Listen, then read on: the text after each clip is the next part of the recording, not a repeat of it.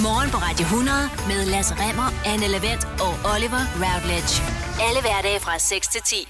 Oliver, du skal øh, sprøjtes i munden lige om lidt. Det skal du af vores praktikant. Fordi i dag skal vi blindsmage ketchup. Jeg behøver at sige, det er godt, det er den vej rundt. Ja, det vil jeg også sige. Jeg har brug for, at du lige spiller vores, øh, vores gode jingle igen. Namme, namme, namme, namme, namme. Mm, nu skal vi teste. Morgen på Radio 100 tester sommeren. Ja, vi gør så. For når man sidder der med sin øh, grillpølse og har brug for noget at døbe den i, så er det meget godt at vide, hvilken ketchup, der egentlig er bedst at købe. Og der findes ved Gud mange forskellige slags ketchup på markedet, og jeg har taget øh, tre af dem med i dag, Oliver. Øh, du skal smage en Beauvais, Ja. Du skal smage en Heinz, Nå, det var godt. og du skal smage en Chestford. Og de svinger simpelthen lidt i pris. Øh, Jeg har selvfølgelig taget Beauvais og Heinz med, fordi det er de to evige konkurrenter. Og jeg vil godt væde min gamle hat på. Jeg kan smage forskel på Bavia og Heinz. Det kan jeg. Er du helt sikker på det? Er 100. Okay. Jeg kan sige det øh, sådan her. Og så Beauvais, mere grynet buffet på en eller anden måde. Det smager øh, ikke ret godt. Beauvais har en kilopris på øh, cirka 38,5 kroner. Heinz, Heinz er dyre forhåbentlig. meget lidt. 40 kroner. Så Ja, det er det er cirka halvanden krone, der skiller Prøv at de høre, den kunne koste 90 kroner, jeg har stadigvæk købt det. Og så har jeg taget øh, den helt billige med, købt i Netto. Den hedder Chestford, og den koster altså øh, cirka 10 kroner per kilo. Så den er meget billig, og det er lidt boblerne det her. Men jeg har be, øh, be, bedt dig om at tage noget bind for øjnene. Er du sød lige at gøre det? Ja, hvorfor er det, jeg skal det? Fordi øh, altså, det er sjovere, så blindsmager vi på den måde. Jeg har jo de seneste gange, det, mens du tager bind for øjnene, kan jeg lige forklare. Jeg har jo de seneste gange øh, serveret maden for jer. Jeg har været så sød at hælde saftevand op i et glas, eller kold skål op i en skål. Men i dag, så griber vi det lidt anderledes an, fordi øh, jeg har bedt vores øh, gode praktikant Maria om at tage øh, en ketchupflaske af gangen, og øh, simpelthen sprøjte dig ind i munden. Du ved ikke, hvilken Jeg kan ikke have mine høretelefoner på samtidig. Jeg ved heller ikke, hvor min... Er mikrofonen her? Ja, den er yes. der. Yes. Men du skal heller ikke bruge mikrofonen. Du skal øh, bruge din, øh, din mund til at åbne den med. Kan du se noget nu? Nej, jeg kan ikke se noget som helst, men det er meget ubehageligt, det kan kunne, men jeg kan ikke... Ja. Godt, Maria, jeg har brug for, at du går over nu til Oliver. Du går over til Oliver, ja. Oliver, så åbner du bare op. Og så får du den første slags ketchup her. Pas lige på, at du ikke spilder alt for meget, Maria. Ja. Pres, pres mere til. Sådan der. Yes, sådan der. Og så vil jeg gerne lige have, at du øh, fortæller, hvad du smager, Oliver. Smager ketchup. ja, det er, jo, det er jo en god start. Kan jeg få noget mere? Ja, Ja, jeg synes ikke rigtigt, Han vil jeg- gerne sprøjtes mere ind i munden, Maria. Bare giv den Ah. en ordentlig sprøjt. Hvordan, øh, hvordan føles den i munden på dig? Han er god, den er tilpas syrlig. Ja. Ja. Ja. Jeg har ikke et, et endeligt svar på den endnu. Nej, godt. Jamen, så kører vi videre til nummer øh, to, Maria. Du går lige over med flaske nummer to. Lige sørg for, at han ikke kan se noget. Eventuelt lige dækker øjnene Jeg til en kan gang. ikke se noget som helst Jamen, det er godt. godt. Og jeg skal lige ryste. Maria skal lige ryste i ketchupflasken. Ja, for at der kommer øh, mere ud. Sådan der. Jeps. Jeg er ikke sikker på, at jeg bryder mig om det her. Jeg ved, heller ikke, jeg ved ikke helt, hvor god radio det her det er. Men uh, Maria, nu sprøjter du simpelthen uh, ketchup nummer to ind i munden på Oliver. Ja? Klar buffet, det der. ja? Ja. Hvorfor siger du det? Smager af buffet. Den er ikke ret god. Okay. Øh, her. Men det, kan, Den du, skal jeg ikke have mere af. kan du sætte lidt mere ord på? Den er, den er, mere, den er sødere end Ja. den første. Okay. Så Øh, og jeg bryder mig ikke om den. Godt. Lad os lige tage den tredje her. Er du klar? Skal, du siger bare til, når jeg skal åbne. Åh, oh, Ah. Ja, Det er ikke... Hold da op. Det, det, er ikke, det er ikke så rart at kigge på. Jeg er lidt glad for, at vi ikke laver tv lige nu. Det må jeg simpelthen sige. Um, Ja. jeg er i tvivl. Um, kan jeg lige smage den sidste igen? Maria kommer tilbage og tager lige den sidste. Det er sådan, den, den, altså, den sprøjter virkelig meget, den her. Så den kører direkte ind i munden, ikke? Og jeg skal lige sige, altså det er jo ikke, fordi du spiser noget til. Altså, Må jeg du godt åbne øjnene nu? Du får simpelthen øh, sprøjtet ketchup ind i øh, Må jeg godt tage det her ind i bind for øjnene af? Ja, det må du gerne. Oliver tager nu bindet øh, af. Hold da op. Du har, øh, du har fået spist noget ketchup, Oliver. Ja. Um, den anden er, er uden tvivl buffet. Ja, nummer to tror du er på ved. Okay, Ja, den det er ved jeg. meget sikker på. Ja. Uh, men spørgsmålet er, jeg synes, at der er en, der er en, der er jo den, der kun koster 10 uh, kroner uh, kiloet. kilo. Chesterfords, der. Just Chesterfords. Ja. Det er den helt billige discount-udgave. Og den, den kan jeg meget godt lide. Altså, den er bedre end buffet. ja. Og jeg har lidt svært ved at smage forskel. Men jeg tror, at den billige var først, Ja. øh, så buffet, og så Heinz. Ja. Okay. Og Så, jeg er lidt i tvivl, men, men, men det er det, jeg går med. så du er i tvivl om, hvorvidt du smagte den billige først, eller om du smagte Heinz først? Ja. Okay. Vil du have svaret nu? Ja, det vil jeg meget gerne. Godt. Øh, jeg kan fortælle dig, at den første, du smagte, Ja. var Heinz. Ja. Så er den altså god, den der billige en. Nummer to, du smagte, var Bøvet. Ja, fy du har fuldstændig ret. Nummer tre, det var den billige Chestford. Ja. Men du siger også, at Chestford, der altså koster 10 kroner kiloet, godt kan måle sig med Heinz. Ja, nej, ja det er tæt på. 40 kroner Den er i hvert fald bedre end BV. Det eneste, vi ved er, hold dig fra Bøvet. Ja, det er... Men det vidste man godt i forvejen. En kending, en fremragende kending er tilbage på det store filmlaget. Fast and the Furious, den er tilbage i biografen med nummer 9. Altså den 9. serie. Øh, 9. film i serien om Fast and Furious. Kan man blive ved, har jeg lyst til at sige. Ja. Hvad handler den her nye Fast and Furious om? Jo, den handler om biler igen. Men den handler også om fart, og så handler den også om flyvende biler nu. Og den handler om en, der hedder Dom. Dom, Dominic, Dom. Dom, som lever et øh, tilbagetrukket liv, men lige pludselig er der nye farer på færre. Sådan. Han må samle sit hold igen for Yes. at bekæmpe de her farer. Og så er den helt store trussel i den her nye film, Doms bror, som simpelthen viser, øh, viser sig at være snigmorder. Selvfølgelig. Ja. Og jeg kender kun én person, som kan fortælle mig om den her film. Den er værd at tage ind og se, altså Fast and the Furious. Det er vores skønne filmanmelder Martin Blikker. Godmorgen. Godmorgen. Nummer 9 i rækken af Fast and Furious film, Martin. Jeg har lyst til at sige, kan det blive ved? Ja, det kan det godt, og det kommer det også til. Der er allerede annonceret øh, to flere film oven i serien her, oven på den 9. her. Så ja, det kan det sagtens. Øh, og man kan sige, der er jo sket et kæmpe spring sådan fra de første film, hvor bilerne og teknikken jo var med til at samle publikum, og så over til de seneste film, hvor det i stedet er, hvad kan man sige, den bombastiske action, der er, der er kommet i fokus, øh, og det minder jo mest af alt om en actionfilm fra 80'erne, der er blevet koblet sammen med en spionfilm, eller James Bond, og Mission Impossible, og der er kæmpe forbogstav på det urealistiske, så det halve ligesom kunne være nok. Og enten så elsker man det, eller også så hader man det. Og der er rigtig mange, der elsker det her, fordi den havde et budget på 300 millioner dollars, og der har allerede tjent sig selv ind igen. Så det kan den godt. Ja, hvor er det fedt. Martin Blikker, det er flyvende biler, det er magnetiske kræfter, det er store våben. Hvordan virker det i den her film? Jamen ved du hvad, det virker sgu egentlig rigtig, rigtig godt. Man kan sige, at historien de minder jo efterhånden om dem, man finder på børneværelset. Øh, og lurer mig om ikke manusforfatterne har siddet på huk ved døren, og børnene finder på det ene vanvittige scenarie efter det andet. Og så sender det afsted op på det store lade. Altså der er intet, der er umuligt længere. Vi skal ud i rummet, vi skal alle mulige steder hen. Man tænker, det kan jo ikke blive vildere. Og man bliver altså i 142 minutter waterboardet med biler, eksplosioner, fly, rumraketter, øh, flere eksplosioner og dårlige jokes, tilhørende melodramatik, der får Days of Our Lives til at virke som et mesterværk. Og det er skønt bare at kunne koble hovedet af ved indgangen og langsomt bare lade intelligensen, hvad kan man sige, afgå ved døden øh, for en stund i de her tider. Og, fordi det er jo også noget, biografen den kan. Øh, og jeg var sgu sindssygt godt underholdt. Jeg har lige et spørgsmål, fordi du siger øh, ganske rigtigt, at øh, den her slags film nok deler folk i to. Der er dem, der elsker den, som er Oliver her i studiet, og så er der dem, der synes, det er noget, noget værre pjat, som måske godt kunne være mig. Martin Blikker, vil jeg få noget ud af at gå ind og se den her film? Altså vil den her kunne omvende mig, sådan, som jeg, sådan så jeg bagefter også tænkte, okay, det var faktisk ret fedt det her. Altså, jeg tror, det eneste, der taler for, at du skulle kunne blive omvendt, det er tiden. Altså, det er lang tid siden, vi har haft en blockbuster af, af den her kaliber her, hvor det bare er bombastik og buller ud af, øh, af motorvejen. Øh, så det kunne måske godt tale for, at du blev overvist. Men jeg vil våge at påstå, altså, hvis man hører til den gruppe, som gerne vil udfordre os bare en smule på intelligensen, og ikke bare have blæst hjernen halvt ud Det af gør Anne ører ikke. med hollywoodske håndgranater, så, så skal man altså holde sig langt væk. Øh, og jeg var også skeptisk selv, men øh, jeg, lå mig, jeg overgav mig til det her univers her for en stund her, men jeg er heller ikke den, øh, der normalt vil overgive mig til det. Øh, men se den for effekterne øh, og for det overdrevne, alt andet, det er fuldstændig ligegyldigt. Altså, jeg synes, vi er på vej i en retning, jeg rigtig godt kan lide lige nu. Så nu har jeg tænkt mig at poppe det store spørgsmål, Martin Blikker. Hvor mange stjerner skal Fast and the Furious nummer 9, altså den 9. film i Fast and Furious-rækken have? Jamen, jeg vil sige, jeg var faktisk sindssygt godt underholdt af den film her, og den er 142 minutter lang, men det føles den faktisk ikke som, fordi der sker noget hele tiden. Øh, den sender os tilbage til sådan en, hvad kan man sige, sådan et 80'ernes action-anslag, og så er det bare sådan, hvad kan man sige, en Hollywood stjernevasker af de helt store, og timingen, den kunne bare ikke være bedre for den film her. Så jeg har valgt at give den øh, 4 ud af 6 stjerner. Haha, Anne. Den skal vi ind og se. Nej, det skal vi. Jo, vi Nej, skal. det tror jeg ikke, vi skal. Skal vi i hvert fald. Vi skal ind og se Dom, Dominic Toretto. Tak for din øh, anmeldelse, Martin Blikker. Den er vi rigtig glade for. Det er vi fandme. Det kan jeg love dig for.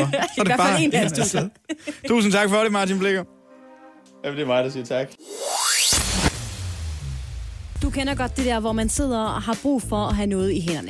Det, Ja. kan, det kan fx være en kuglepen. Ja, det kender det godt. sidder man lige og klikker sådan her, fordi man har brug for at lave noget, Du må ikke? gerne stoppe mig. Er det irriterende? Nå, men det er fordi, det gør du ret meget, det der. Jeg klikker med kuglepen. Ja. Men det er også fordi, jeg også nogle gange har brug for at øh, få stimuleret mine fingre. Og der bliver simpelthen lavet ting til det nu. Jeg ved ikke, hvordan du kan få det drejet over i noget, der skal grine sig, Oliver. Det skal det ikke. Der sker det, at vi alle sammen nogle gange har brug for at gøre noget med vores krop, hvis vi sidder stille.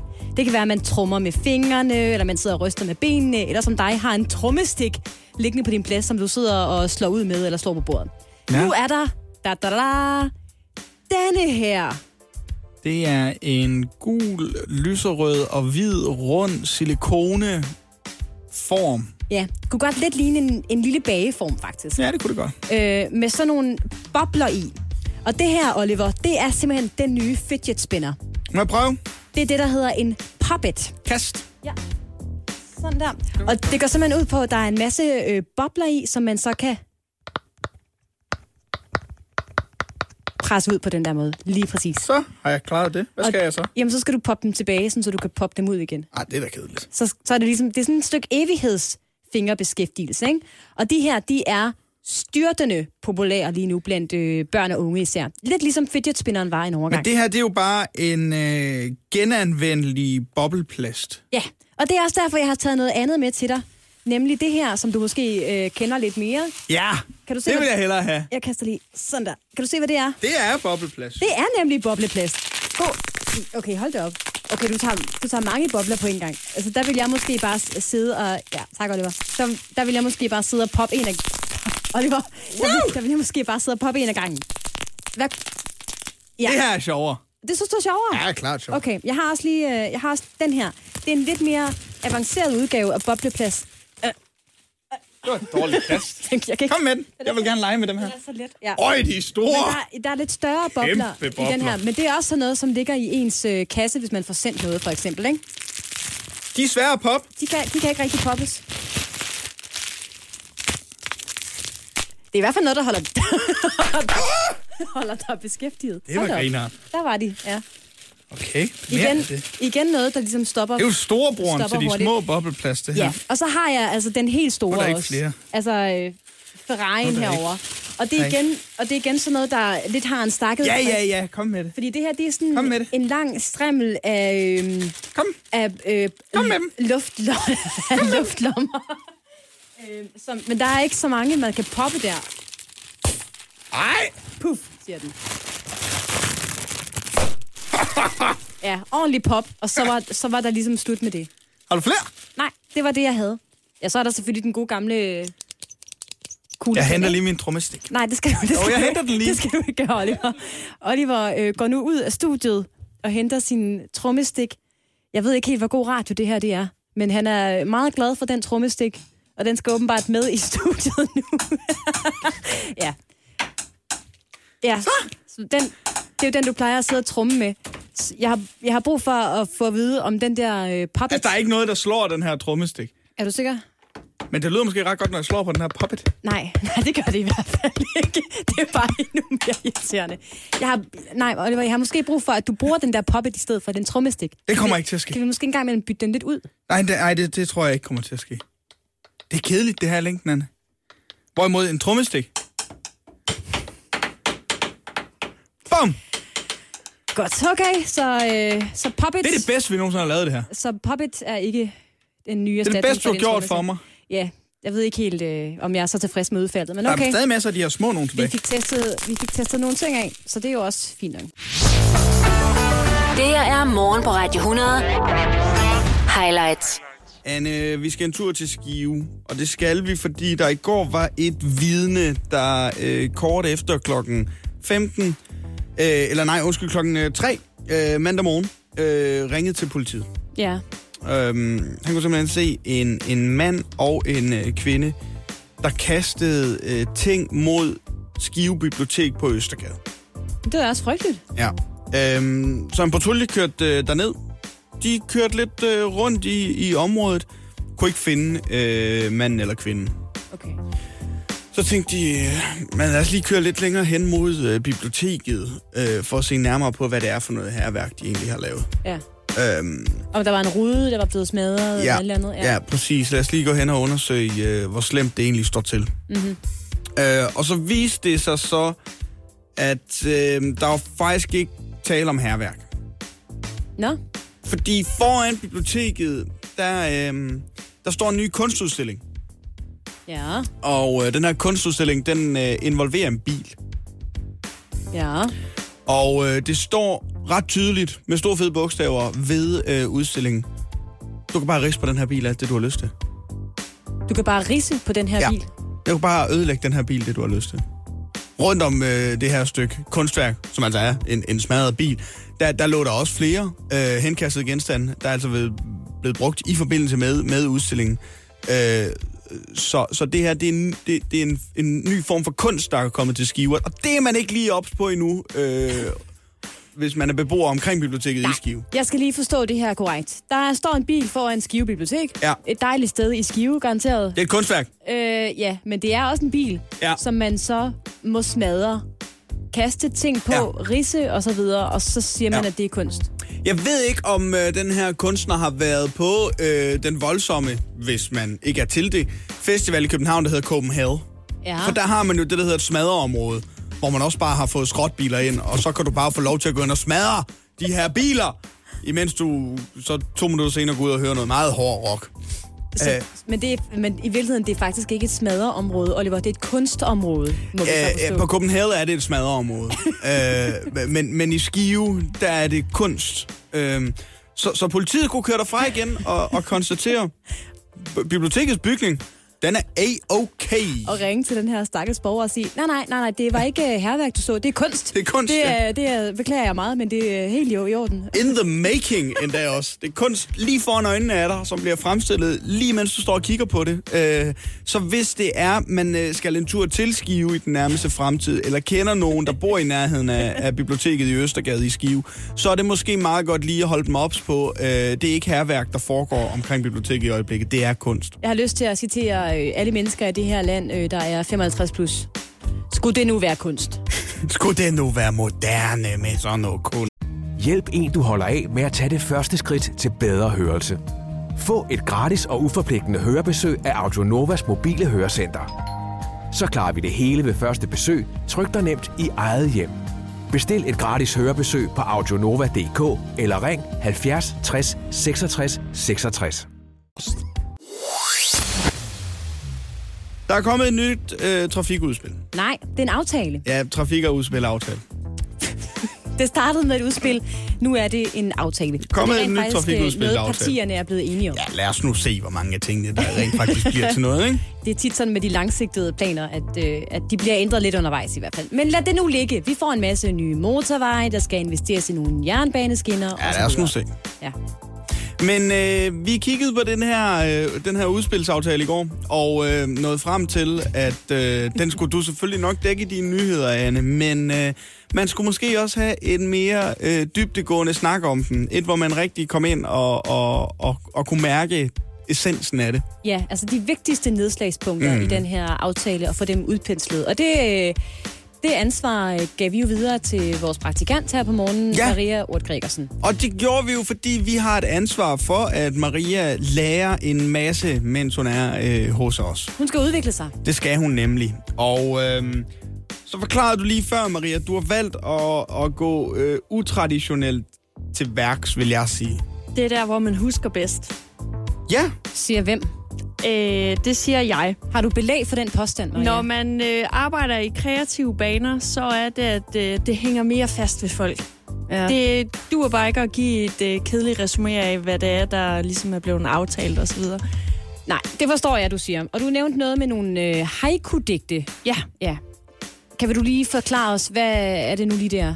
Det er et øh, vers, der består af tre linjer, hvor linje 1 og linje 3 de består af fem stavelser, og så linje 2 består af syv stavelser. Rim, fem, rimer det? 7, 5. Nej, det behøver ikke rime. Det skal indeholde øh, store emner, øh, har jeg også læst op på. lidt Så som op på trafikaftalen. Ja, ja. Det her det er ikke Trafikudspilsaftalen. kæmpestort. Ja, så Ja. Aftalen. Øhm, det er jamen, øh, skal, skal, skal, Jeg kan mærke på, at jeg er i spændte. Ja. skal, vi, skal vi bare Jamen, fint nok. kaste os ikke over vente. i, i dine hænder. Men øh, for ligesom at, at komme i, i digtenes univers, så, øh, så synes jeg lige, vi skal have den helt rigtige stemning. Er I klar derude? Vi kører. Langt sigte to år, længe undervejs på vej. Nu sker det i år. Biler suser nu, vejene er proppet jo, motorvej på vej. Flere jernbaner, vi vil have dem i land, selvkørende tog. Asfalt og cyklen, 3 milliarder kroner, batter ikke nok. Forstår I det? Øh, ja. Var det, Så- var det det? Det var det. Du har simpelthen fået kogt en øh, kæmpe aftale indgået af alle Folketingets partier ned på det der. Hvis vi lige skal analysere, hvad det er, jeg har taget fat i, så, øh, Skal vi det? Ja. Okay. så har jeg jo taget fat i, det har taget rigtig lang tid for dem at nå frem til den her aftale. Ja. Vi skal have en masse motorveje. Til gengæld så er du ikke på ret lang tid på at lave det her, kan jeg høre. Jo. Ah. Vi skal have flere jan- øh, jernbaner. Japanbaner. Cyklen har ikke fået nok opmærksomhed. Ja, Altså, det er jo ikke øh, decideret forkert. Nej. Jeg havde måske bare håbet, at, øh, at detaljegraden havde været lidt, øh, lidt større, Maria. Men øh, Jamen, der er det sådan, i haiku-digtet, der skal man øh, fatte sig i korthed. ja, og du har jo øh, selv givet dig den opgave at skrive et haiku-digt. Du kunne jo også bare have fortalt os, hvad det er, der står i den aftale. Men det skal vi ikke øh, komme mere ind på nu. Skal vi have den igen? Øh, nej, Nej. det er helt okay. Jeg tror Hvorfor har godt... du ikke noget med om uh, Limfjordsforbindelse? Det synes jeg er ret vigtigt, den tredje Limfjordsforbindelse. Den øh, var der ikke lige plads til. Okay, jamen øh, fint Maria, så vi kan konkludere, at vi får nogle øh, flere motorveje, der skal investeres i nogle øh, jernbaner. Det var Ja. faktisk det, jeg sagde lige før også. Og så øh, understreger du, at der skal bruges 3 milliarder kroner på cykelstier, og det batter ikke. Hvem siger jo det? Er det dig, der kommenterer det? Eller øh... hvem, Øh. hvem siger det? Så langt må du ikke gå i, i dybden Nej, det. det må jeg man ikke spørge til. Okay, godt. Det var godt, det ikke var en uh, Ask Me Anything om det her uh, trafikudspilaftale. Det var Ja, det ikke. det var- jeg Det var det ikke, nej. fik bare at vide, at jeg skulle lave noget kreativt. Nej, det gjorde du faktisk ikke, Maria. Jo, sådan hørte jeg det. Yes. Godt at... Øh, øh, det var et arbejde, Maria. Morgen på Radio 100. Highlights. Vi skal til vores lokalnyheder, Oliver. Og jeg har fundet min lokalnyhed i dag hos TV MidtVest, fordi vi skal en tur til Viborg. TV MidtVest kan nemlig fortælle en øh, rigtig fin historie om en familiefar ved navn Matti, der den 18. juni havde en øh, lidt vanvittig og øh, ikke mindst meget travl dag. Ja, Den 18. juni havde han nemlig sin afsluttende eksamen som administrationsøkonom. hold da. Han skulle til den her meget vigtige eksamen kl. 14. Og hans hustru ventede samtidig deres tredje barn. Og det var altså lige ved at være op over, Oliver. Mm. Og i begyndelsen, der havde øh, Matti sådan lidt i sjov beordret sin hustru til ikke at føde midt i en landskamp. Meget vigtigt. Klar. Du havde sikkert gjort det samme. Yes. Og øh, senere havde de nok joke, at havde de joket med, at det øh, formentlig nok ville ske midt i hans eksamen. Og det var ikke helt forkert, fordi Nej. om morgenen den 18. juni, altså kort inden Matti skal til sin afsluttende og meget vigtige eksamen, der begyndte hans hustru at øh, få de der vejer, ikke? Og så ved man godt, hvad der er på vej. De kører til sygehuset. Matti forklarer jordmoren, at altså, han har en eksamen kl. 14. Så kigger jordmoren på den fødende hustru, kigger hun på Matti, og så siger hun, det burde du godt kunne nå. Og hun fik helt ret, fordi omkring klokken, omkring klokken 12.25, der bliver øh, Matti far for tredje gang til en velskabt skabt dreng. Og det passede så fint med, at han lige kunne køre til sin eksamen bagefter, fordi den begyndte jo først klokken to. Nå, jeg troede, det var på den måde, at hun, hun, ikke, var, hun var ikke langt nok henne til, at... Det var simpelthen fordi... Jordmoren kiggede sig, at hun er så langt henne, at, øh, at det kommer til at gå rimelig snelle, det her, Jeg ikke? kan godt lide tanken om, at man lige hiver nogle ekstra folk ind på stuen. Hold da, drenge! Matti, han skal til eksamen om lidt. Skal kraftedeme nå det inden Nu skal, vi have, nu skal vi have det barn ud, okay? Ja. Så øh, Matti kører simpelthen direkte fra øh, fødestuen, han når ikke engang at skifte øh, tøj, til Erhvervsakademi Dania i Viborg. Øh, men som han siger til TV MidtVest, han kører på øh, adrenalin. Ja. Og så er han jo også godt klar over, at hvis han ikke øh, kommer til den her eksamen, så skal han skrive en helt ny opgave. Og det gider, Og det gider man heller ikke. Simpelthen ikke. Ej, han har været presset ind på den måde. så tre kvarter senere, der har han øh, bestået og er færdig med sin uddannelse som øh, administrations, øh, administrationsøkonom, hedder det. Ja, han har bare stået inde på den her fødestue og sagt, pres! Pres for ja. helvede, Kom så, skat! Ja, Skat! jeg skal til eksamen om halvanden time, det er så vigtigt. Så inden for øh, cirka, ja, cirka to timers tid, der bliver han altså både far til en øh, velskabt dreng, og når lige at blive færdig med sin øh, afsluttende eksamen. Det synes jeg altså, man kan kalde en god dag, ikke? Det kan man i hvert fald. Nå, men jeg har faktisk også en historie om en øh, 40-årig mand, der har haft en ret begivenhedsrig dag. Dog på en lidt anden måde, Anne. Fordi øh, vi er Skive Folkeblad. Ja, det elsker vi jo. Øhm, Det elsker vi jo. Ja. Og øhm, lad, mig, øh, øh, lad mig tage dig med på, på den her øh, 40-årige begivenhedsrige dag, som startede med at, øh, at stjæle en bil. Øhm, og så i den her stjålne by, øh, der kørte han ned mod det, der hedder øh, Hanbjerg Marina. Øh, her der skaffede han sig lige adgang til en sauna. What? Ja, Han, han stjæler en bil. ja, Han kører hen og bryder ind i en sauna. ja. Og inde i den her sauna, der lagde han så alle sine ting, og så gik han ud af saunaen. Og så låste døren efter ham. Ja. Ja. Og så kunne han ikke komme ind igen. Om det så har været det, der har trigget ham til det, han så gør efterfølgende, det ved man ikke. Men så gik han så ned og stjal en, en motorbåd og sejlede ud i Limfjorden. What? Så nåede han så et par hundrede meter ud, før han kom til at kaste anker. Og jeg tror ikke, han har særlig godt styr på bådverden, fordi det betyder så, at han ikke kan komme videre. Men så lagde han sig bare til at sove på båden i stedet for. Så han har, han, han er sejlet ud i en motorbåd, har kastet anker, og så har han lagt sig til at sove Ja. i en stjålet motorbåd, efter Ja. han har lagt sine ting i en sauna, Ja, og har stjålet en bil. yes. Okay, wow. Og så prøver øh, politiet så lige at finde ud af, hvordan skal vi lige komme ud til, til den her båd, som, som altså lå stille. Ender med, at de til- tilkalder aktionsstyrken, fordi de ved ikke, hvad, hvad han har øh, af, sikkerheds, øh, af sikkerhedsmæssige årsager tilkaldt de aktionsstyrken. Vi ved ikke Øh, hans motiv for øh, at sælge nej, den her båd. Ja. Øh, og så sejler de så ud til ham med aktionsstyrken, øh, aktionsstyrken øh, får ham anholdt. Øh, han bliver anholdt klokken øh, 9.55, bliver løsladt igen klokken 5 minutter over, over, over 5 om, om eftermiddagen. Øh, der gør manden så lige det, den her 40-årige mand. Han tager tilbage til marinaen og, og prøver på at stjæle en anden båd. But why? Og så, så er der så lige en, der kontakter politiet igen der øh, om aftenen og siger, han er hernede igen, øh, og, han har sagt, at han vil stjæle en anden båd. Kan I lige komme ned igen og, og hente ham? Det er den øh, mest urutinerede pirat nogensinde, det der. Fuldstændig. Sejler lige et par meter ud fra kysten, lægger sig til at sove. Nå, så bliver jeg lige fanget. Tager ned på marinaen igen og siger, jeg har tænkt mig at stjæle en båd. Siger det højlydt. ja, lige præcis. Og sådan, Nå, så skal vi have fat i politiet. To øh, vidt forskellige, men trods alt to øh, meget begivenhedsrige dage i, øh, i de jyske. Der sker ting i udlandet, det gør der altså. Den her sommer, som vi er i gang med, på trods af, at det skal regne i dag, så er det faktisk sommer. øh, det er en øh, sportssommer af de helt store. Ja, det kan godt være, at vi gik glip af øh, stort set alle store sportsbegivenheder sidste år, men det Ja. ja. betyder også bare, at øh, sommeren i år er spækket med sport. Præcis. Wimbledon er startet. Det er glimrende. Der er OL om 24 dage. Så starter det i, øh, i Japan.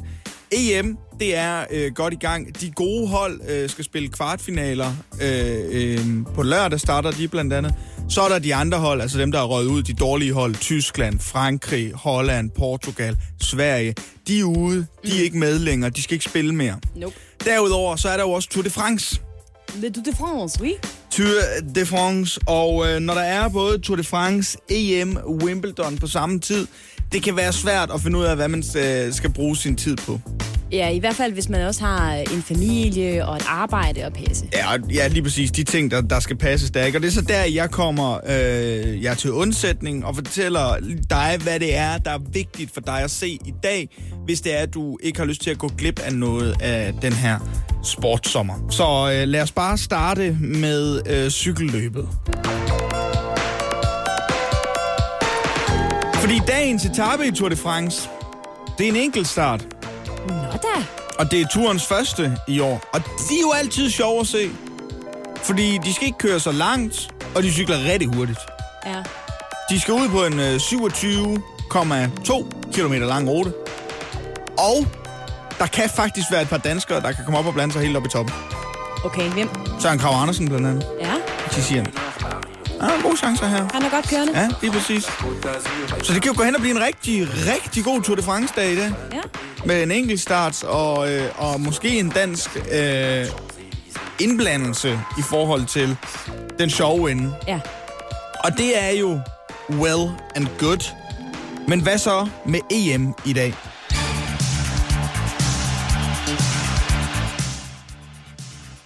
Der er ikke, der er ikke, øhm, der er ikke lige nogen kampe. Der er ikke nogen kampe? Nej, der er ikke nogen EM-kampe. Nå. Øh, faktisk så er der øh, først kamp øh, igen på lørdag, hvor vi jo ved, at Danmark skal spille øh, imod Tjekkiet kl. kl. 18.00. Så er den vel ikke så svær i dag. Men øh, det, det, man dog kan gøre, øh, det er at gå ind og se højdepunkter fra Danmarks 4-0 sejr over Wales. Og hvis man er den friske type, så kan man også se hele kampen igen, for lige at komme i den rigtige stemning op til på lørdag. Så det er øh, genudsendelse eller enkeltstarten i årets Tour de France. Ja. Ja. Og den er jo svær, den her. Fordi det er to virkelig skarpe bud på underholdning. Ja. Men det, du skal bruge din tid på i dag, det giver, hvis man lige tænker over det, naturligvis sig selv. Fordi selv højdepunkter fra EM slår Tour de France. Ah, Oliver. Det tror jeg ikke, alle er enige med dig i. Ikke alle, men alle, der ved noget om sport, er selvfølgelig enige med mig i det. Okay, så du øh, anbefaler simpelthen i det her indslag, der hedder øh, Turen eller EM, at man bare skal se noget genudsendelse af nogle EM-kampe, nu hvor der ikke bliver spillet indtil på lørdag, i stedet for at se en enkelt start i Tour de France, hvor en øh, dansker eller to kan komme helt i front. Jeg vil sige, man kan sætte sig ned og se hele Danmark-Wales-kampen, Okay. frem for at se dagens enkeltstart. Det er det, jeg siger, ja. Ja, men du er ikke, øh, og du, og du er fuldstændig objektiv her. Det er ikke, fordi du selv har en holdning til, at fodbold er federe end... Hey, hey, jeg er her på, øh, på sportens vegne, Ja, Anne, og fortælle, hvad, hvad der er vigtigt i dag. Ja. Og det, og det, og det vigtige, er- man kan gøre i dag, det er at forberede sig selv mentalt på øh, øh, lørdagens kamp mod Tjekkiet ved at se 4-0-sejren over Wales igen. Jeg har lige et spørgsmål. Ja. Øh, spiller, øh, spiller man EM-kampe i morgen?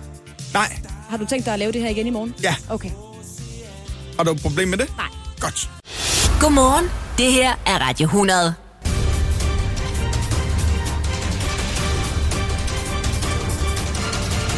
Så er det blevet tid til en onsdags Olfert. Det kan du lide, hva'? Nej, det kan man faktisk ikke så godt lide. Det gør lidt nas at få sådan en onsdagsholfert, men den er fortjent nogle gange. Og øh, Oliver og jeg har, som nævnt, haft svært ved at vælge i den her uge. Jeg har flere forskellige kandidater, men jeg er alligevel landet på, at min onsdags skal gå til byrådet i Ringsted Kommune. Hold da op, det er meget specifikt. Hvorfor?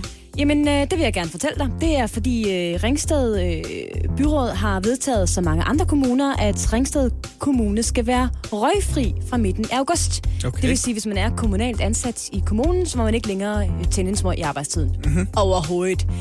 Men kan du så gætte, hvem der er undtaget af det her rygeforbud? Hvem der gerne stadigvæk må øh, tænde en smøg, selvom de egentlig er på arbejde i Ringsted Kommune?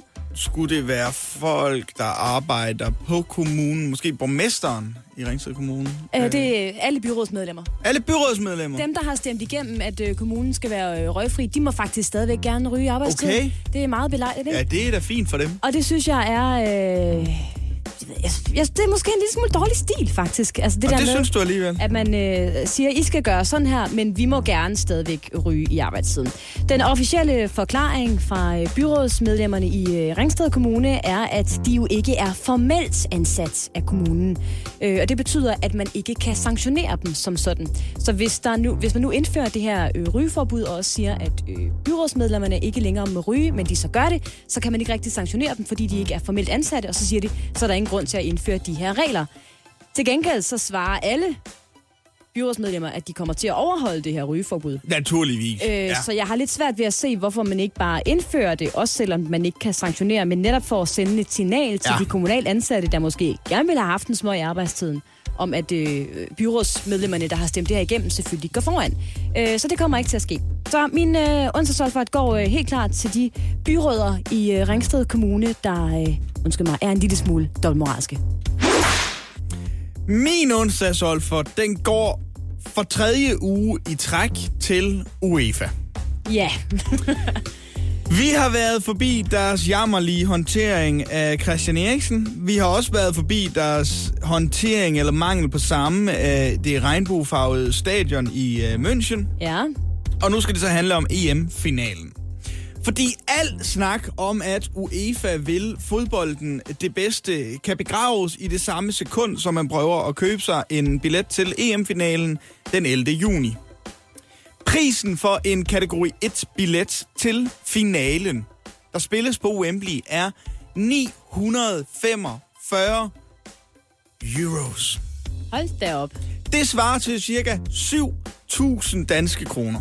For en billet. Til sammenligning så kostede min kategori 1-billet til Danmark-Belgien 185 euro. Det svarer til 1400 kroner. Ja.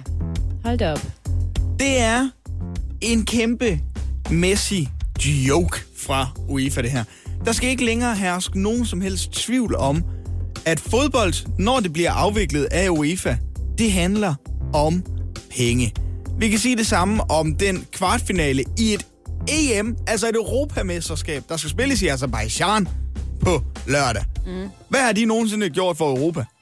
I Baku og Azerbaijan? Så sagen er den, at hver gang UEFA de afvikler noget som helst fodbold, hvis du har penge, så kan du få. Og har du ingen, så gider de faktisk ikke have dig med til deres arrangementer overhovedet. Spørgsmål. Var det også UEFA, der øh, besluttede, at øh, Katar skulle have verdensmesterskab? Det var FIFA, men FIFA er i FIFA. samme båd som UEFA. De okay. er øh, lige så skrækkelige. Ja. Det er to fuldstændig forfærdelige fodboldorganisationer, UEFA og FIFA. Det bliver understreget hver evig eneste gang, de skal lave en slutrunde. Og derfor går min onsdagshold for et fuldstændig fortjent til UEFA. Øh, tilbage i øh, februar måned, der øh, lavede vores øh, miljøminister, Lea Wermelin, en lille konkurrence blandt landets kommuner. Hun vil nemlig gerne have mere vild natur tilbage i byerne. Ja. Og derfor lavede hun en øh, lille udfordring, hvor hun øh, kort sagt udfordrede landets kommuner til at få den vildeste natur. Kan du gætte, hvad det her projekt hedder? Øh, vildt kommune eller sådan noget. Ja, Vildt, vildere, vildest. det hedder Vild med Vilje. Vild med vilje. Ja. Ja. Indtil videre er der øh, 24 kommuner i landet, der har øh, tilmeldt sig øh, det her projekt, som dog har nogle lidt uforudsete konsekvenser. I hvert fald nogle konsekvenser, man ikke lige havde regnet med. Jeg vil bare gerne lige påpege, at vi jo har været på forkant med det her længe i øh, Jørgen. Ja, Vi har jo været en vild kommune i et par år efterhånden. jeg har brug for, øh, inden du fortæller om det, Oliver, lige at få øh, sat scenen. Fordi jeg har selvfølgelig Jamen, lavet... Jørgen ligger Ja, øhm, nej, jeg har brug... Jeg har lavet nord en, for Aalborg. Det er ikke det, jeg vil vide. Syd Jeg har, for Hirtshals. Jeg har lavet en lille jingle, Oliver. Det er det, jeg siger. Jeg har været i øh, mit øh, efterhånden meget berømte jingleværksted.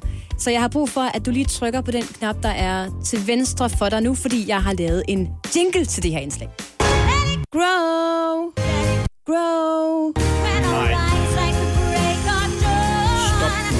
grow, grow.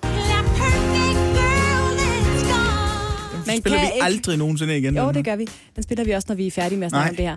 Man kan ikke helt høre det, men øh, min stemme var ikke helt varmet op, da jeg skulle synge det her ind, øh, meget tidligt i morges. jeg synes faktisk, den er meget fin. Men øh, der er simpelthen 24 kommuner, der har meldt sig til Vild med Vilje-projektet. Som dog har haft nogle konsekvenser for... Slu- Slug den kaffe og fortæl mig, hvem, den her, hvem det har haft konsekvenser for, Oliver. Det har haft konsekvenser for græsset i kommunen, som ikke blev klippet. Ja, det er det blandt andet, men også for allergikerne.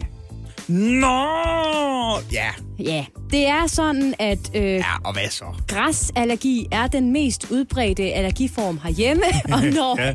alle kommunerne lige pludselig har besluttet sig for, vi behøver da ikke at slå græsset, fordi det siger Lea Wermelin, vi ikke skal, så er det træls at være Men er allergiker. det, er det ikke lige så skidt, når græsset netop bliver slået, men ikke samlet op, og det øh, dufter af nyslået græs, og øh, der er græsbunker øh, overalt? Ikke ifølge Astma Allergi Danmark, der har fået Ah, men hvad ved de om øh, det? mange... jeg, tror, jeg tror, de ved en del om det. Og, og det tror jeg Det tror faktisk, jeg de så gør. De siger, at øh, det er fint nok, at man gerne vil have mere vild natur i byerne, men man har overhovedet ikke taget hensyn til dem, der døjer med øh, løbende øjne og, øh, og kløe osv. Så må de tage nogle piller. Men jeg har brug for øh, nogle erfaringer ude fra landet af. Og det er godt, at vi øh, har vores øh, praktikant, Maria. Maria, lige godmorgen. Godmorgen. Ja. Du kommer jo fra en lille by nær Varde, der hedder Si. Ja, Og øh, korrekt. i går, da jeg nævnte den her historie for dig, så sagde du, jeg kan godt genkende det her, fordi vi har haft noget lignende i Varde. Vil du lige prøve at sætte det på og på? Ja, altså, øh, vi har prøvet i, eller kommunen har prøvet øh, at øh, dyrke et stort øh, grønt areal i øh, Varde, eller i hvert fald lade græsset gro der, fordi de godt ville tiltrække flere øh, harer og vildt og alt det der Ja. ind i byen. Ja. Øh, der gik ikke særlig lang tid, så blev det her græs klippet igen. Okay. Ja, fordi der kom ikke nogen harer eller Nej. rådyr. Ikke engang har gider at tage til Varde. De gider ikke at hoppe i det lange græs. Nej, I Varde. Var der stor debat om det her i Varde, Maria? Var det sådan noget, man snakkede om? Det var, ja, fordi det ligger, øh, den her øh, græsplæne ligger helt ud til vejen. Okay. Så man kører, når man kører ind i Varde, så kan man sådan se den her øh, græsplæne, og så det ligner, det ligner pis. Så Vild med Vilje fungerede øh, ikke i Varde, der ovenikøbet også var lidt forud for øh, det her projekt. Ja, ja, til. det de er har, nogle år De siden. har prøvet det af. Det var ikke en succes. Men det er det samme, øh, der har været problemet i Jørgen. Øh, Det har nemlig været, at man har valgt at lade græsset gro på områder, hvor græsset normalvis bliver klippet. Ja. Øh, omkring vejene specielt. Og det største problem, der har været i Jørgen, det er, at øh, det, det ser grimt. Hold op, hvor er det grimt. det ser forfærdeligt ud, det her. Altså, hvor vil de end klippe græsset herovre? Men det er den der jyske ordentlighed, Ja. der kommer i spil der. Men det er da synd for allergikerne. Ja, og øh, Men altså, prøv at tænke lidt på naturen og klimaet, ikke? det er endnu mere synd, at der ikke rigtig er en løsning på problemet. Fordi Vild med Vilje øh, buller der ud af, ja. at der er 24 kommuner, der har øh, tilmeldt sig. Jeg har måske også lidt på fornemmelsen, og det er bare mig, der øh, står her og spekulerer. Det kunne også godt være, at Vild med Vilje er et øh, godt projekt for nogle kommuner til at, øh, at spare, Og- og- og- spare lidt penge. Nå, jeg troede, du mente, du har et godt projekt for kommunerne at komme med, med allergikerne. så kan de, så kan ret tiden flytte til en anden kommune. Hey, kraftet med smut. de gider at være her. Det er morgen på Radio 100. Highlights. Er der noget, du har lyst til at, øhm, at sige, inden vi skal høre det sidste, den sidste udgave af dit indslag, øh, Maria? Altså, det her indslag, det er, øh, det er guften på isen. Er det den der øh, syntetiske guf, altså den lyserøde, eller er det Ja. sådan en, er er det sådan den hjemme? hjemmelavede lakridsguf. Okay. Ej, fy for Det skal jeg heller ikke bede om. helvede, det skal jeg ikke bede om, nej. Jo, nej. det her det er rigtig godt. Nå, men lad os lige få det på plads igen. Der er øh, igennem det seneste stykke tid været et indslag, der hedder Dommedag i vores radio en gang imellem om torsdagen. Jeg Og ved ikke, har- hvordan du overhovedet fik det trumfet igennem i første omgang, Maria. Men Nej. okay, nu er vi her. Og det har været her, hvor du, Maria, har prøvet at øh, lave en, øh, et indslag, som du mener øh, kan fungere i radioen. Ja, ja, det her, det, øh, det har virkelig gjort noget godt for jeres morgenradio. Men du, har du lyst til at knytte et på ord til det, vi skal høre i dag? Udover at det guffen på, Ja. ja. en eller anden klam lakridsguff på isen. Jamen, øh, titlen på den her dommedag, det er den sidste dommedag. Derfor, hvor kreativt. Ja. Det er godt fundet på, Maria. Det må jeg sige. Yes, lad os øh, kaste os ud i det så.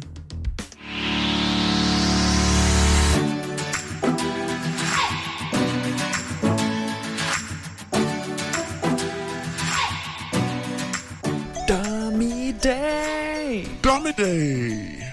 Dommedag. Day. Med Maria Ort Gregersen. Kære Anne, Oliver og Lasse. Hvis du altså lytter med. Fem måneder er gået nu. Fem gode måneder er gået nu. Jeg startede ved jer den 1. februar, og hvilken spæd start det var. Hjemme på værelset fulgte jeg med i, hvordan I lavede nogenlunde underholdende morgenradio. En halvflad start, hvis jeg selv skal sige det. Jeg havde jo ventet så længe på at møde jer i virkeligheden. Især dig, Lasse Remmer. For hvordan er Lasse Remmer en, jeg arbejder sammen med, tænker du sikkert. Ja, det er et rigtig godt spørgsmål. Men Anne og Oliver, I er jo også en del af programmet. Og I har vist mig noget af vejen inden for radio. Og det er også derfor, jeg lige bliver nødt til at vende blikket lidt indad. Kig lidt ind på min egen kraftpræstation, som jeg morgen efter morgen har vist.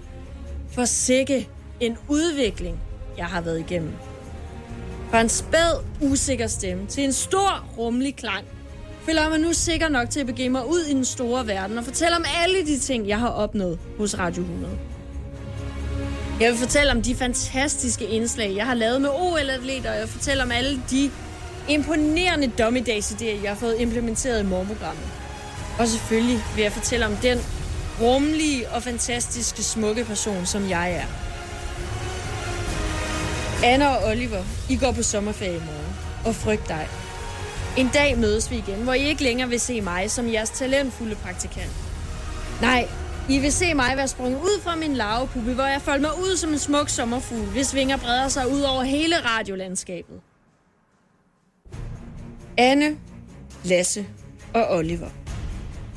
Tusind, tusind tak for fem fantastiske måneder. Jeg håber snart, vi ses igen til et samarbejde, hvor der også vil være plads til jer. Tusind tak for denne gang.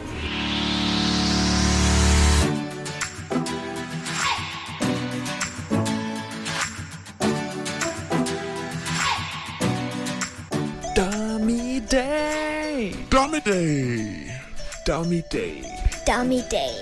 Med Maria Ort Gregersen. Er det en tårer, jeg ser over ved dig? jeg, jeg griner og græder lidt på samme tid. Det er meget frygteligt og også meget sødt, Ja. faktisk. Hvordan er Lasse Remmer egentlig arbejde sammen med? Ja, det- der er ikke Det er nogen, der et ved godt det. spørgsmål. Der skal man vide, at hver gang man er samlet i et selskab og fortæller, at man arbejder sammen med Lasse Remmer, så er det det eneste spørgsmål, man får. Det er meget frygteligt. Maria, øh, udover dengang, du havde øh, boller og croissanter og, øh, Champagne. og champagne med til os, Nå ja.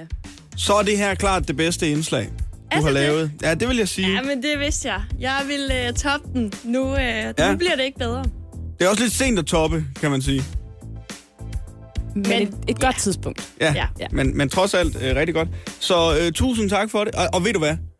Som Martin Blikker vil sige, det er os, der siger tak. Præcis.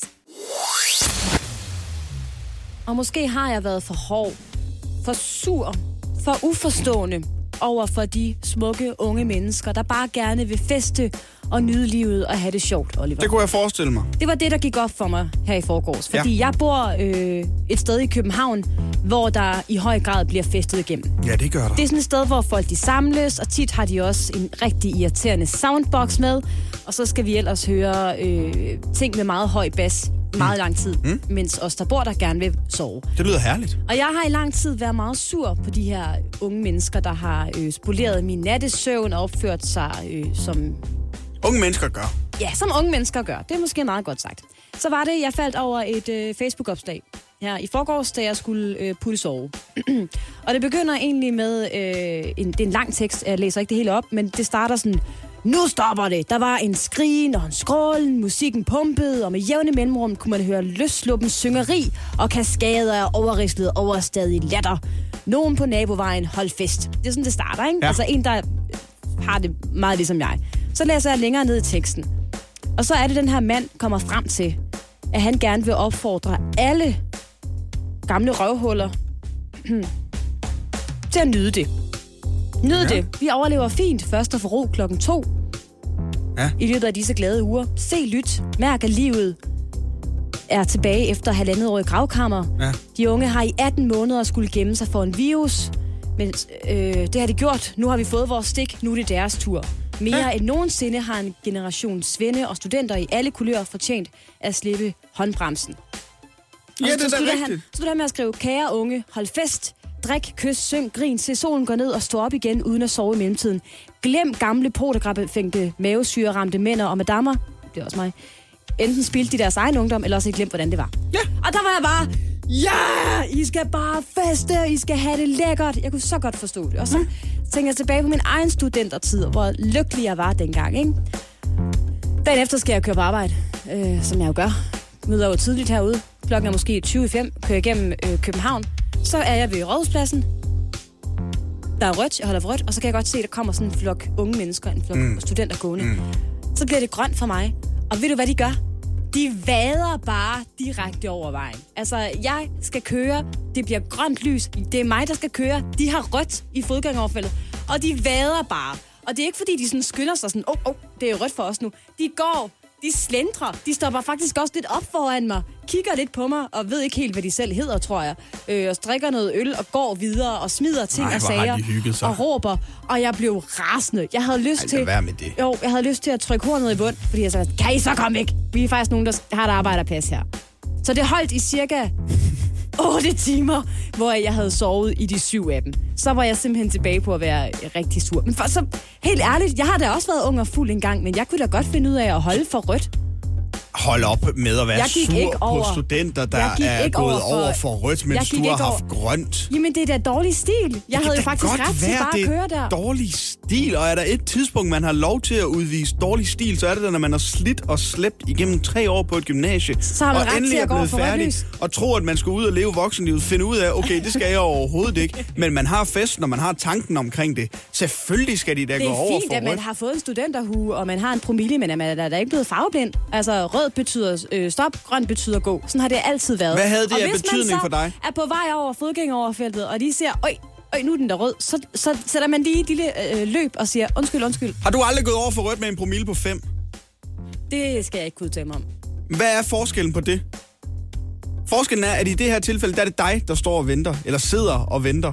Og hvad havde det reelt set af betydning, at du kom 20 sekunder senere frem? Det er da også 20 sekunder for meget. Det er det overhovedet ikke. Tænk, hvad er de 20 sekunder? Jeg kunne have fået en ekstra stor det kop er kaffe, en eller et eller uge andet. om året, Anne. Nej, jeg synes faktisk tit, at der er unge mennesker, der render rundt og er lidt irriterende. Også, i, Ja. også når der ikke er studentertid. Jeg siger bare, det er okay, at I fester og larmer og har det sjovt. Jeg skal nok prøve at være lidt mere tolerant, fordi I skal også øh, omfavne livet og sådan noget. Godt. Men hold tilbage, når der er rødt. Ej, fordi op så kører, det så er, vi, så er der os andre, der skal på arbejde der, ikke? Du er 75 år indvendig. 80 måske. Ja, mindst vil jeg faktisk gå Det er også en god alder. Desværre er jeg ikke blevet vaccineret endnu. Godmorgen. Det her er Radio 100. Den her sommer står i allerhøjeste grad i sportens tegn. Wimbledon er i gang, Tour de France er i gang, EM er i gang, OL starter om 22 dage. Mm. Det er en smuk sportsommer. Ja, det er det faktisk. Øh, angående Wimbledon, så er der ikke så meget at sætte fokus på der, fordi Clara Tauson, hun er ikke med længere. Nej, hun røg øh, hurtigt ud, desværre. desværre. Så øh, jeg har fokuseret på Tour de France og EM, og hvad skal man så bruge sin tid på i aften, hvis det er sådan, eller i dag, hvis det er sådan, at øh, man har en familie, man også skal passe. Ja, jeg har lige, jeg vil ikke sige en øh, klage, men jeg har lige en kommentar at knytte til øh, din vurdering fra i går, Oliver. Som Ja. man jo ikke kan hente ind i vores øh, podcast, den hedder Morgen på Radio 100 dag. Ja. For der anbefalede du jo, at man ikke behøvede at se øh, enkeltstarten i Tour de France. Man skulle i stedet se genudsendelsen af Ja, Danmarks man skulle, se, kamp mod- øh, ja, man skulle vælge at se øh, Wales. alle 90 minutter af Danmark-Wales i stedet Ja, for. i stedet ja. for at se enkeltstart. Og der vil ja. jeg sige, det synes jeg måske var en lidt underlig prioritering, eftersom det viste sig, at øh, de danske ryttere var øh, fremragende til at køre enkeltstart. Altså, der Ja, ja. var øh, masser af danske ryttere i toppen. Ved du, hvad de danske spændende. fodboldspillere var fremragende til? Nej, At vinde 4-0 over Wales. Jo, jo, jo, men den, den havde vi jo set, Oliver. Ja, ja, men, men det forekom i stemning til på lørdag jo. Skulle Nå. du huske, det var derfor, jeg mente, man Så skulle du, se øh, øh, du kampen. står simpelthen ved, at man skulle vælge at se øh, Danmark Det vil jeg håbe, man har gjort. Okay, Ja. godt, yes. Men altså, lad os da tage et kig på det øh, fantastiske Tour de France, som du elsker. Fordi dagens etape, det er sidste chance for sprinterne, inden vi når op i bjergene, Anne. Ah. Det drejer sig mere specifikt om en 160 km øh, etape, som er ret flad i sin grundform. Igen i dag. Og den ligger som sagt godt til sprinter som for eksempelvis Mark Cavendish. Mm. Men danske Mads Pedersen kunne også have en chance for at markere sig en smule i dag. Ja, ja. Og ydermere, så er der altså også en, øh, en, en chance for en god portion sidevind i løbet af etappen. Og det kan være spændende at følge med i. Det er altid dejligt at se på, når andre lider. Ja, ja, men det kommer også om, altså, feltet kan blive spredt ud i sådan en sidevind der, eller også kan det blive samlet, og så kører man det lidt øh, sikkert, ikke? Okay. Alt i alt, en ret klassisk øh, sprinter-etappe, som er øh, spændende at følge med i, inden vi altså når øh, op i bjergene om et øjeblik. Ja, især fordi, øh, hvis der nu er en dansker, der blander sig i, øh, i toppen, det vil man da gerne have. Det vil man rigtig gerne have. Det kan, det kan gå hen og blive en festlig dag Ja. øh, at se den her etape. Ja. Over i EM-lejren. Øhm, der spilles jo ikke nogen EM-kampe i dag. Holder de stadigvæk hviledag? Ja, det, det er Okay. først i morgen, det går løs igen. Okay, ja. Men min anbefaling er ret klar i forhold til EM, fordi inde på YouTube, der ligger der en video, som er øh, 1 time, 32 minutter og 35 sekunder. Og i den video, der er billedkvaliteten ikke den, som vi kender i dag. Men det er fordi, det er en video fra 1992. Ja. Og det er en halvanden times lang video om øh, Danmarks seneste sejr ved et europamesterskab. Ja. Og øh, den kan man med rette lige øh, sætte sig ned og se i løbet af dagen. Bare lige for at komme i den øh, rette stemning i forhold til kampen imod øh, Tjekkiet på lørdag kl. 18. Så du vil stadigvæk anbefale folk at varme op til... Nej, jeg siger, det her det er EM-muligheden, man kan bruge i dag. Okay. Ja, Okay. Øh, og lige for at mærke, okay, hvordan var stemningen egentlig sidste gang, øh, vi vandt en slutrunde? Bare så man er klar til den samme stemning igen og om 10 dage, når vi løfter det trofæ igen. Godt. Så jeg, så jeg har lige brug for at, at koge det her ned, Oliver. Ja. EM eller turen i dag? Hvad skal man vælge at prioritere sin øh, sparsomme tid på, når man både har arbejde og øh, børn og alt muligt andet? og den er jo svær i dag. Ja. Fordi på den ene side, der har vi en, du. en Tour de France-etappe, hvor man ikke ved, hvad der kommer til at ske. Men hvor der er en dansker, der måske kan blande sig i toppen. Det er en sprinteretappe. Ja. Ja. Der kan komme styrt. Det har vi set i det her års Tour de France. Der har været masser af styrt. Hvordan bliver de påvirket af sidevinden osv. Ja. På den anden side, der har man en fodboldkamp, som er fra 1992. Og som man godt kender resultatet af. Men ikke desto mindre, så lyder min anbefaling, at man, man klart skal se den her halvanden times lange video på YouTube fra 1992, frem for øh, dagens øh, Tour de France-etappe. Af den simple grund, øh, at, at højdepunkter fra fodboldkampe altid slår cykelløb. Men Oliver, så kan turen jo aldrig vinde i det her indslag, du har lavet, der hedder EM eller turen. Jo, når EM engang er færdig, måske. Ah. Men det kan jo også være, at der er en spændende etape i morgen. Det kan være, der er sådan en, den skal jeg bare ikke øh, miste. Øh, altså, den skal jeg bare se, den her etape. Og så kan turen jo sagtens vinde. Det virker bare som om, at du, inden du laver det her indslag, har taget lidt stilling til, hvad du egentlig selv synes, man skal se. Men det er bare, det er bare min opfattelse. Det, det, det, det er helt glimrende ved den løsning, der er også, øh, som jeg anbefaler her. Jamen det er jo, at øh, du kan sætte det på lige, når det passer dig. Ja, Og det er også øh, rigtig godt. ja det tæller med. I modsætning til turen, hvor man altså skal sidde klar og, og se det fra start af, ikke? Eller bare have det lidt kørende i baggrunden, mens man går og laver mm. andre ting. Det er der mm. også nogen, der gør. Ja. Hjælp en, du holder af med at tage det første skridt til bedre hørelse. Få et gratis og uforpligtende hørebesøg af Audionovas mobile hørecenter. Så klarer vi det hele ved første besøg, tryk dig nemt i eget hjem. Bestil et gratis hørebesøg på audionova.dk eller ring 70 60 66 66. Det er blevet tid til Hvad i alverden, Oliver? Vores udenrigsmagasin her i morgen på Radio 100, fordi vi er et program med internationalt udsyn og indblik, fordi der hele tiden sker ting ting ude i verden, verden. som vi bliver nødt til at forholde os til herhjemme også, Oliver, hvad end vi kan lide det eller ej. eller og sådan er det. yes. Og i dag i Hvad i alverden skal vi en tur til New Zealand, hvor universitetet i byen, der hedder Otago, har opfundet, hvad jeg vil kalde et øh, bizart slankekurs-aggregat. Nå, det lyder spændende. De har simpelthen øh, præsenteret en magnetisk skinne til tænderne, som har den meget enkle og effektive funktion nej, nej, at... Det, nej, Kan du gætte det? at, at man ikke kan åbne op. Ja. Simpelthen. Du skal er forestille dig, genialt. der sidder en magnet på det øvre tandsæt, der sidder en øh, magnet på det nedre tandsæt, der gør, at man ikke kan åbne munden mere end 2 mm ad gangen. Og dermed er det meget naturligt øh, begrænset, hvad du kan spise. Så det vil sige, øh, den fried chicken, jeg ved, du fik i går, Ja, det var god. at var den større end 2 mm? Ja, det var den. Ja, det tror jeg nok, den var. Så det betyder, at man altså ikke kan øh, spise. Faktisk kan man primært få øh, flydende mad og selvfølgelig drikke med den her magnetiske Det er skinne. to på tænderne. millimeter. Det er jo ingenting. Nej, det er ikke særlig meget. Det er jo, det, Til gengæld så garanterer Nej, de det- altså på det her universitet, Oliver står og piller sig selv i er det en munden. fingernegl Det rigtig Nej, lidt mere end en fingernegl. Vi kan lige måle senere. Men øh, universitetet... som man siger. Nej, det gør man ikke. Universitetet lover, at man stadigvæk kan trække vejret og tale, som man plejer at Nå. gøre. Og, og det synes jeg faktisk er meget fint, Oliver. Der sidder også lige en nødudløser på den her øh, skinne, der gør, at man kan få tænderne fra hinanden i en nødsituation. Og så nævner de selv, for eksempel hvis man får et panikanfald. Ja, man lige skal have mund til mund, for eksempel. Det er en meget god idé lige at er det kunne meget godt lige at kunne trykke på den Ja. der. Det er lidt ligesom, hvis man har en, en nødfaldsskærm eller ja. et eller andet, tror jeg. Så man Er der så sådan lige sådan en, øh, en rød ting, man skal hive ud fra siden af den? Så, bum, så. Sådan, så bliver den ud. En hammer, ligesom i busserne. Kan du gætte, hvordan det her øh, slankeaggregat er blevet modtaget online, Oliver? Øh, jeg kunne forestille mig, at øh, det er blevet modtaget således, at Fie Laursen lige om et øjeblik reklamerer for det på sin Instagram. det er bare et spørgsmål om tid. Jeg vil sige, der er mange, der er, øh, hvad skal jeg sige, negativt stemt over mm. for det her nye slankekurssaggregat. Ja. Faktisk er der mange, der tror, at det er en joke. Men det er det altså ikke. Det garanterer professor Paul Brunson, der er universitetets leder af afdelingen for sundhed og helsevidenskab, øh, og som altså har været med til at opfinde den her antispiseskinne. Han siger, prøv at høre, den her skinne er en vigtig og effektiv måde at bekæmpe fedme på.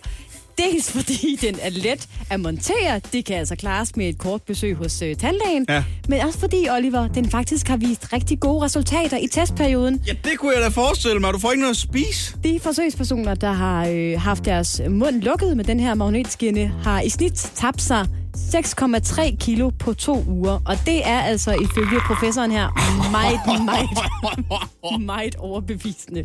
Det er også alt for meget. Det kan man sige. Man kan selvfølgelig sige, at det her, at det her er en god og sund måde at gøre det på, men det, Nej. det, kan kalde, det, det er mellemregninger, føler jeg lidt. Ikke? Altså, hvis du gerne vil øh, tabe dig hurtigt, så er, øh, så er den her den magnetiske slankeskinne til din mund. ja. Morgen på Radio 100. Highlights. Og vi skal have fat i øh, ugens citatquiz, som er blevet til øh, sæsonens citatquiz. Fordi jeg har nemlig taget fem af de citater, der på mange måder har defineret det halve år, der er gået nu, Oliver og Maria. Og øh, i dagens anledning, fordi det er øh, dagen, hvor vi går på ferie, mange af os, der øh, synes jeg, I skal samarbejde i dag. Skal jeg samarbejde med vores praktikant Maria? Ja, det skal du, Oliver. Og lyd lidt mere skuffet. Ej, men Maria, sidste, i sidste uge, der var du også med i den her. Men det, Og jeg frygter bare, at det bliver øh, samme form for samarbejde, som du var konkurrence i sidste uge, nemlig 0. Nej, det her det bliver rigtig godt. Det kan jeg mærke allerede nu. Jeg har alligevel brug for, at I lige, øh, når I har en idé om, hvad det er for et citat, jeg læser op, bosser jeg ind. Så vi skal have øh, den samme bosserlyd. Ja. Den har jeg også valgt for os, Maria. ja, og du har også knappen over ved dig. Ja, det har jeg nemlig. Og den lyder sådan her. Hvad er det nu, det er med, Oliver? Det er øh, AC Milans egen kommentator, øh, der udtaler Simon Gerrard. Er lige, lige præcis det der. Godt, jamen jeg har øh, fem citater. der Inden vi er- lige går i gang. Ja, Maria, du sidder og koncentrerer dig. Jeg er fuldt ud konstant. Godt.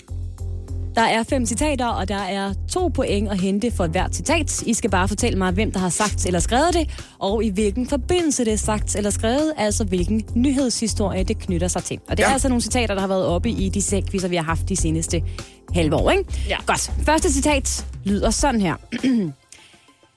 Jeg kan ikke finde ud af, om jeg er ved at blive ramt, eller om jeg bare er sulten. Og det er altså til at tale sammen. Ja. Hvis I lige skal resonere jer frem til, hvem Søren, der kunne have sagt det her. Man får slet ingen ledtråd i din quiz.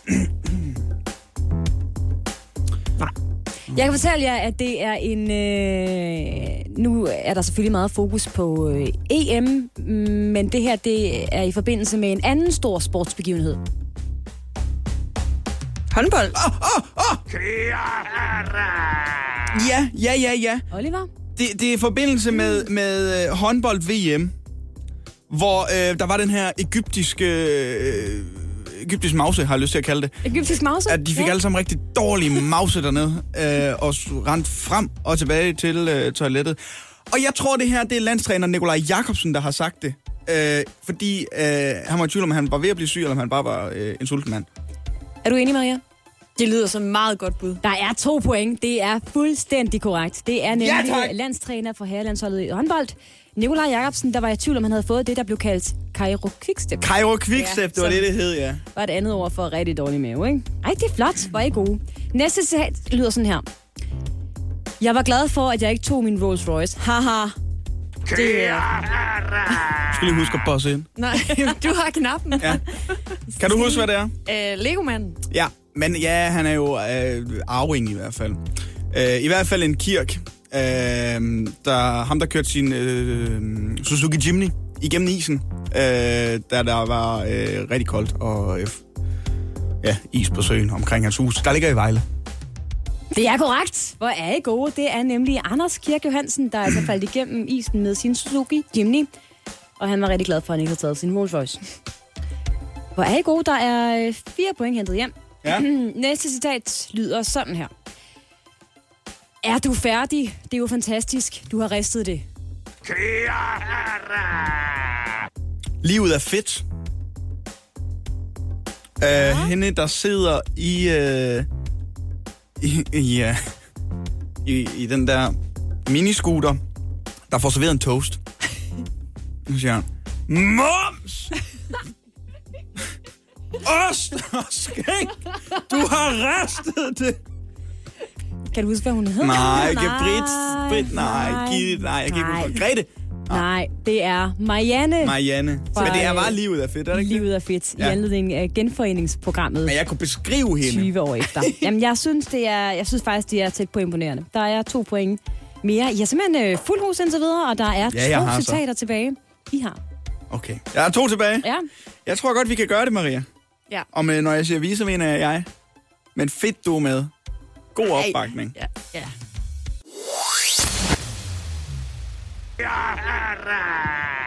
Var det for tidligt? Ja, det var jeg er lidt bare for tidligt. Jeg er ikke kommet med citat. et citat endnu. Øh, jeg kan lige opsummere og fortælle jer, at de har 6 point Ud af hvor mange seks mulige? Ja, det er altså rigtig flot. Vi har jo gang i vores øh, ugenlige citatquiz, som vi altid har om fredagen på det her tidspunkt. Det særlige ved den her er bare, at den samler lige op på nogle af de citater, vi har haft i løbet af det seneste halve år, ja. i stedet for i ugen, der er gået. Ja. Og øh, der er to citater tilbage. Næste lyder sådan her. Skal der også være underbukser på offentlige toiletter, hvis jeg nu går en tur og spontant skider i bukserne? Det handler i hvert fald om... Kan du lige trykke? Ja, Maria? Om øh, de her hygiejnebind. Ja. Jeg er ikke særlig god til navne. Det handler om de gratis hygiejnevind på de offentlige toiletter. Det er Nye Borgerlige Lars Bøge Mathisen.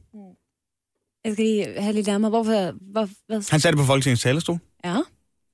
Og han mente, at man bare kunne have underbukser med. Ja, man kan hvis jo han nu styre sked- sin egen afføring. Ja, han sagde, at man kan styre sin egen afføring, og derfor må man også kunne styre sin egen menstruation. Ja. Jeg er nødt til at øh, give jer to point, venner. Mm-hmm. Hvor er det altså flot. Det er nemlig Lars Bøge Mathisen fra Nye Borgerlige, der fra Folketingets talerstol Skid i bukserne. prøvede at argumentere for, hvorfor det lukkede ikke lort ud. var en god idé at tilbyde gratis hygiejnebind til øh, kvinder på offentlige institutioner. Det er rigtig flot. Der er et Tak. citat tilbage. Ja, mulighed for, altså, Fuld hus. Det vil jo være en smuk bordet. måde at gå på ferie på, Oliver og Maria. Og øh, det sidste, det er en lille smule svært, men jeg håber alligevel, I holder fast. Jamen, det var dealeren, der gjorde det. Ja, hvad tænker I her? Må jeg tage den? Ja, endelig. Jeg tror, det er John Dillermand. Hvem, hvad? Hvorfor det? John Dillermand. Det er det også. Det er John Dillermand, Ja. som der var så meget debat om tilbage i januar måned. Det var faktisk noget af det, der indledte året, ja. øh, samtidig med, at kongressen også blev stormet. Der skete rigtig Ja, der meget er der. sket en del der, ja. Ja. Men det er nemlig øh, John Dillermand, der har øh, John Dillermand. skudt skylden John på Dillermand. sin Han dealer. er verdens længste Dillermand. 2, 4, 6, 8, 10. Den er god nok. Der er 10 point til jer, Oliver og Maria, ud af 10 mulige. Der må jeg bare sige, hvor er det flot. Godt arbejdet, Maria. I lige måde. Godmorgen. Det her er Radio 100. Jeg kigger ud af vinduet nu, Oliver. Mm, jo, den er god nok. Det er filmvejr i dag, og så er det heldigt, at man kan tage i biografen og se en uh, god film. Og en film, man for eksempel kan tage ind og se lige nu, det er den film, der hedder A Quiet Place 2. Det er en gyserfilm, Oliver, og den handler om, at verden, åh oh nej, åh oh nej, er blevet overtaget af monstre. Nå, Og den måde, som de øh, finder mennesker på, er ved hjælp af lyde. Så øh, hele plottet er altså, at hvis man ikke vil opdages af de her uhyggelige monstre og slås ihjel af dem, så skal man være helt stille. og nu har jeg desværre ikke lige så meget forstand på film, som jeg har på nyheder. Men en mand, som i den grad har styr på det, det er vores dejlige filmanmelder Martin Blikker. Godmorgen. Godmorgen. Jeg øh, så lige øh, traileren her til morgen. Og øh, det ligner en øh, film, hvor man kommer til at sidde helt ude på kanten af stolen. Er det rigtigt? Det er meget rigtigt. Øh, det skal også siges, det er en af de film, som jeg har set frem til med rigtig, rigtig store forventninger. Altså det første kapitel fra 2018 leverede jo sådan en oplevelse af en gyser som The Conjuring i form af, at man fik en spændingskurve, der konstant bare gik en vej, og det var opad, og det sker også i den film her. Altså, og, og det vil sige, når det, man har med en monsterfilm at gøre, så er det lettere sagt end gjort, fordi vi har faktisk set monstrene i kapitel 1, så vi ved egentlig godt, hvad der ligesom er på spil, men øh, en af de ting, som virkelig spiller en stor rolle i den film her, det er lyddesignet. Det mister de skruet sammen, så det gør vidderligt, at man er til at sidde og holder vejret, fordi man indlever sig så meget i de her karakterers overlevelse, og ja, det de er udsat for. Så lyddesignet er godt i en film, hvor det handler om at være stille. Det synes jeg er øh, fremragende. Men, men du, er også, du er også inde på det, Martin. Der er også en A Quiet Place 1, og den handler også om, at man skal være stille og ikke må blive opdaget af monstre. Og nu har man så lavet en toer, der handler om det samme. Er det bare en, øh, en kopi af etteren, man går ind for at se, eller hvad? Ja, både ja og nej. Man kan sige, at de to film, ja, de foregår stort set lige efter hinanden, men hvor den første film, det var jo sådan en familiedrama, som omhandlede en stor tragedie og overlevelse oven på det, og så også bearbejdelse af den her tragedie, så handler part to meget mere omkring samfundets forfald og fællesskab, og hvordan man ligesom kan komme de her satans monstre til liv, som jo altså har slået telt op på jorden, og altså godt og grundigt er gået i gang med at udrydde populationen, må man sige. Martin Blikker. Øh, gyserfilm og mig, vi går ikke hånd i hånd. Og Okay. øhm, er det her sådan en klassisk øh, gyser, hvor man i mit tilfælde, synes jeg, skal være en lille bitte smule syg i hovedet for at tænde at se den? Eller kan man godt se den her øh, film, hvis det er, man bare godt kunne tænke sig at se en, en god film, uden at, at gå derfra og have skidt i bukserne?